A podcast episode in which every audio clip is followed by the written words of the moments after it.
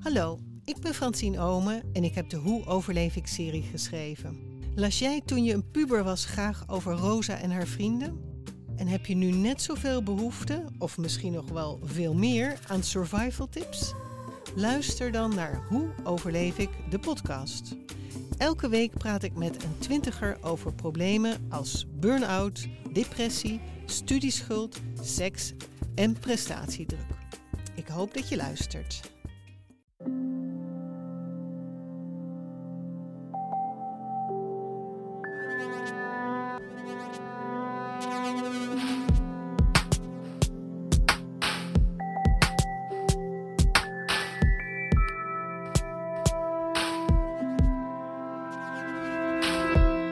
Hey, ik ben Pieter van Relaas. In Relaas vertellen mensen waar gebeurde verhalen en die hebben ze allemaal stuk voor stuk zelf persoonlijk meegemaakt.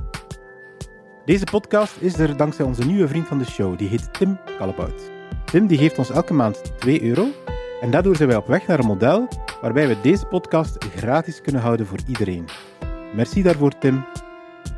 Dit is het relaas van Anna. Ze vertelt over een vreemde ontmoeting.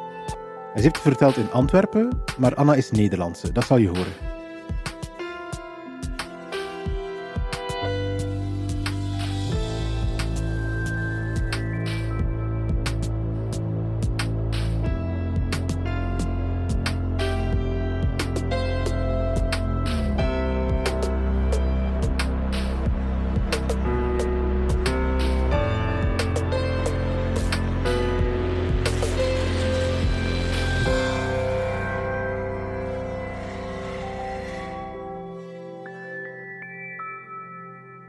Mijn uh, verhaal speelt zich niet af in Edegem. Mijn verhaal speelt zich gewoon af bij mij thuis. Dus om echt iets nieuws te ontdekken, hoef je niet eens de deur uit te gaan, zal blijken.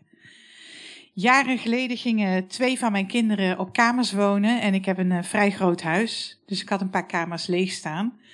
En toen kwam ik op het idee om die kamers te verhuren, want ik reis heel erg veel en graag. En uh, dan ga ik ook wel eens Airbnb zitten. Laatst nog in Antwerpen hier.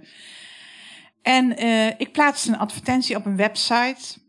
En uh, ik had er hele fantasieën over. Ik dacht, ik ga ze leuke dingen laten zien in de stad. Ze mogen meeeten voor een klein prijsje. Ze kunnen me fiets lenen. Ik kan talen gaan spreken. Maar er gebeurde helemaal niets. En ik was de advertentie al vergeten toen na drie jaar er een e-mailtje in mijn mailbox uh, viel. En uh, het was een mailtje van iemand die noemde zich Yeti. Meer gegevens stonden niet in. En ze wilde een week lang mijn kamer huren. Het was een Nederlandse. Jammer genoeg, dus dat talen leren zat er niet bij. En mee eten wilde ze ook al niet. Maar ze had wel een ander bijzonder verzoek. Ze moest in de buurt uh, geopereerd worden. En uh, ze moest nog twee keer terugkomen naar die operatie voor controle. En ze vroeg of ik dan heen en weer kon rijden naar het ziekenhuis. En toevallig paste dat in mijn agenda, dus ik zei: Ja, Jetty, is goed, kom maar, je kunt mijn kamer huren. Ik had toen gedacht dat ze even langs zou komen in huis en zich zou installeren en van daaruit naar het ziekenhuis zou gaan voor de operatie. En ik had al heel goed schoongemaakt, want zo'n operatie betekent een wond. Dus ik had de badkamer helemaal ontsmet met bleek. Want ze mocht natuurlijk geen infectie oplopen bij mijn huis. Jetty had een heel ander idee. Jetty ging rechtstreeks naar het ziekenhuis en liet zich opereren. Ik wist bij God niet waaraan. Ook daar had ik allerlei fantasieën over. En um, het plan was dat ik haar ophaalde met de auto. En ik zou haar rechtstreeks vanuit de bijkomkamer meenemen naar mijn huis. En ik stond daar dus op de afgesproken dag en tijd op de parkeerplaats. En ik kreeg een appje van Jetty dat het heel goed met haar ging. Dat ze bij was uit de narcose van de operatie, waarvan ik nog steeds niet wist wat. En uh, dat als ze naar de wc was geweest, zelfstandig, dat ze naar beneden zou komen. Ik wachtte, ik kreeg een appje dat ze eraan kwam.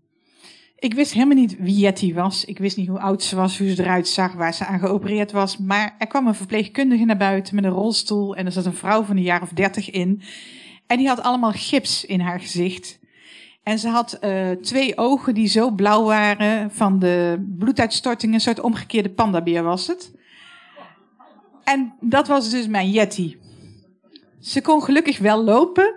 Dus ik nam haar mee in mijn auto en we reden vrij snel naar mijn huis. Dat was niet zo heel ver. En toen we uitstapten, toen stelde ik voor dat ik haar tas zou dragen. Want ja, ze had toch een paar uur onder het mes gelegen. En ik vroeg aan Jetty of er nog dingen in haar tas zaten die in de koelkast moesten. Want dan zou ik die voor haar in de koelkast zetten. En ze ging op mijn bank liggen en ze zei, ja, dat is goed. Uh, ik zei, is dan goed dat ik je tas openmaak? Want ja, normaal doe je dat niet bij iemand die een kamer bij je huurt. Maar er gebeurde die week wel meer dingen nog die je normaal niet doet. En uh, ze zei ja, en ik maakte die tas open en die zat helemaal vol met uh, kleine huzarensalades, aardappelsalades. Vandaar dat ze dus niet wilde mee eten. En ik heb al die slaatjes in de koelkast gezet. En de rest van de tas was gevuld met luiers.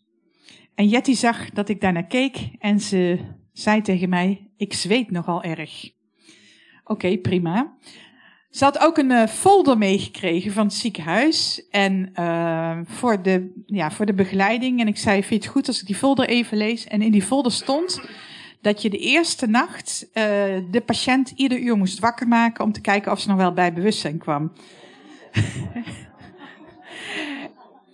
en ik dacht, het zal mij niet overkomen dat mijn eerste klant in de allereerste nacht overlijdt, doodbloed of wat dan ook. Dus uh, die eerste nacht ben ik ieder uur naar beneden gegaan om uh, Jetty wakker te maken en daarna weer terug naar mijn bed. De volgende ochtend ging ik naar mijn werk en uh, ik overdacht een beetje de situatie. Ik begon het toch wel wat spannend te vinden en een grote verantwoordelijkheid, deze eerste gast. En toen ik thuis kwam, zag ik dat Jetty, het was een heel klein kamertje, dat zat gehuurd, ook heel goedkoop. En ik begon me ook een beetje zorgen te maken over trombose. Ik wilde toch ook dat ze naar buiten kwam, een stukje lopen. Maar zij zei, ik ben heel erg bang voor insecten. En als we nou gaan wandelen, ik heb mijn neus in het gips, want ze was aan de neus geopereerd, dat wist ik inmiddels wel. En um, dan ben ik bang dat ik insecten inslik, omdat ik door mijn mond adem. Zei, nou, het lijkt me toch belangrijk dat je na zo'n operatie ook een beetje beweegt. En dan zal ik daar wel een beetje op letten. Ja, zei ze, maar ik ben ook heel bang voor kinderen. En dat ik een bal tegen me aankrijg of een hond tegen me opspringt. Ik zei, Jetty, ik ga gewoon naast jou lopen en dan hou ik de mensen wel uit je buurt. En zo zijn wij dus uh, gaan wandelen. Wij liepen een klein rondje en uh, Jetty begon mij op mijn kop te geven. Want, zei ze, wat jij doet, Anna, dat is eigenlijk wel heel erg onverantwoord. Want uh, je haalt zomaar iemand in huis en die kan jou bestelen. En uh, dat je dat zomaar doet.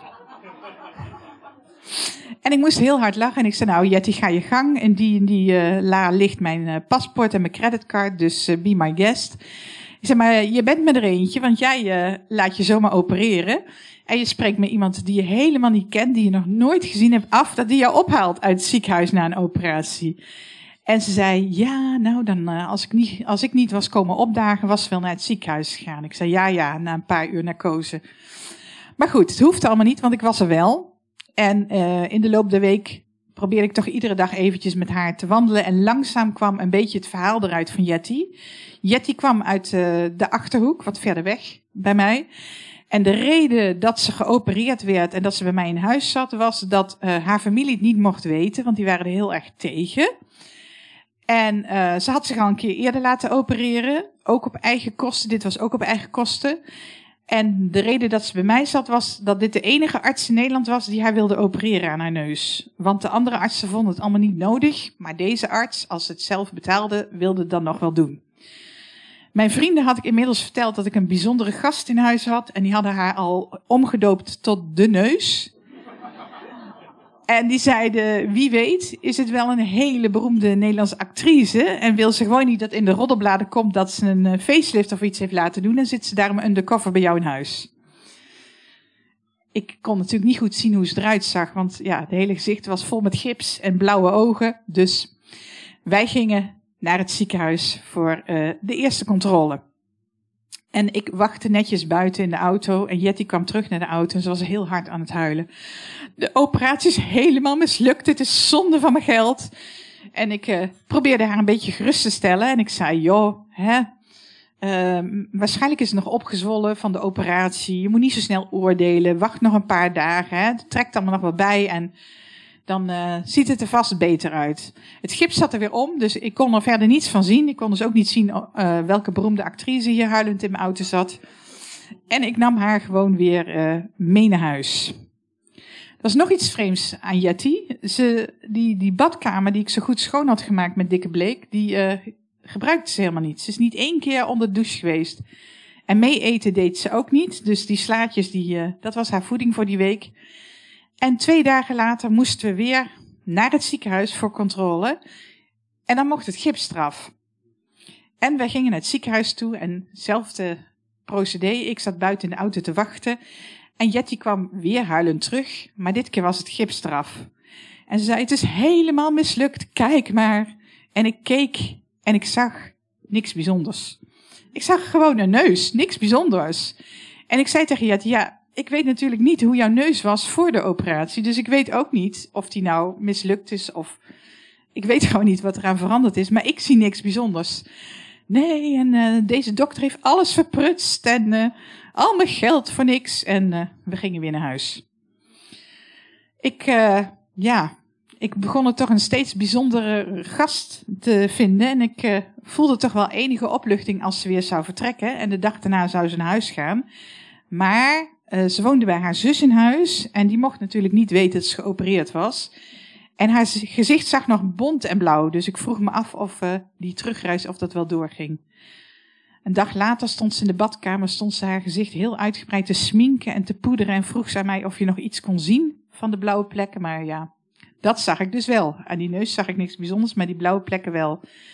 En uh, desalniettemin besloot ze toch om naar huis te gaan. Mijn jongste zoon die ging mee naar het station. En ik vroeg uh, aan hem om Jetty's tas te dragen naar de trein. Ik had een verborgen agenda, want ik zei tegen mijn zoon: uh, Wees zeker dat ze in de trein stapt, want ik moest er niet aan denken dat ze nog langer bleef. ik was gewoon blij dat ik deze eerste klant gehad had en dat, uh, ja, dat we het allebei overleefd hadden. En Jetty is toch echt vertrokken met de trein. En ik heb nooit geweten of de familie erachter is gekomen. Ik heb nooit geweten hoe ze heet. En ik heb ook nooit geweten of het een beroemde actrice was. Ik denk het niet. Anders heb ik er in ieder geval niet herkend. En um, ik heb ook ooit nog wel eens later nog een tweede gast gehad. Maar dat is misschien beter voor een andere vertelavond.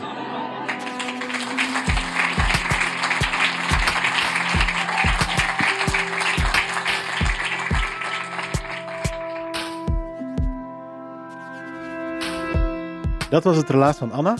Zo zie je, je maakt wat mee als je gasten over de vloer krijgt in je eigen huis. Misschien heb jij ook wel ook iets, iets bijzonders meegemaakt als gast in een Airbnb of in een, in een uh, gewone B&B, dat kan ook.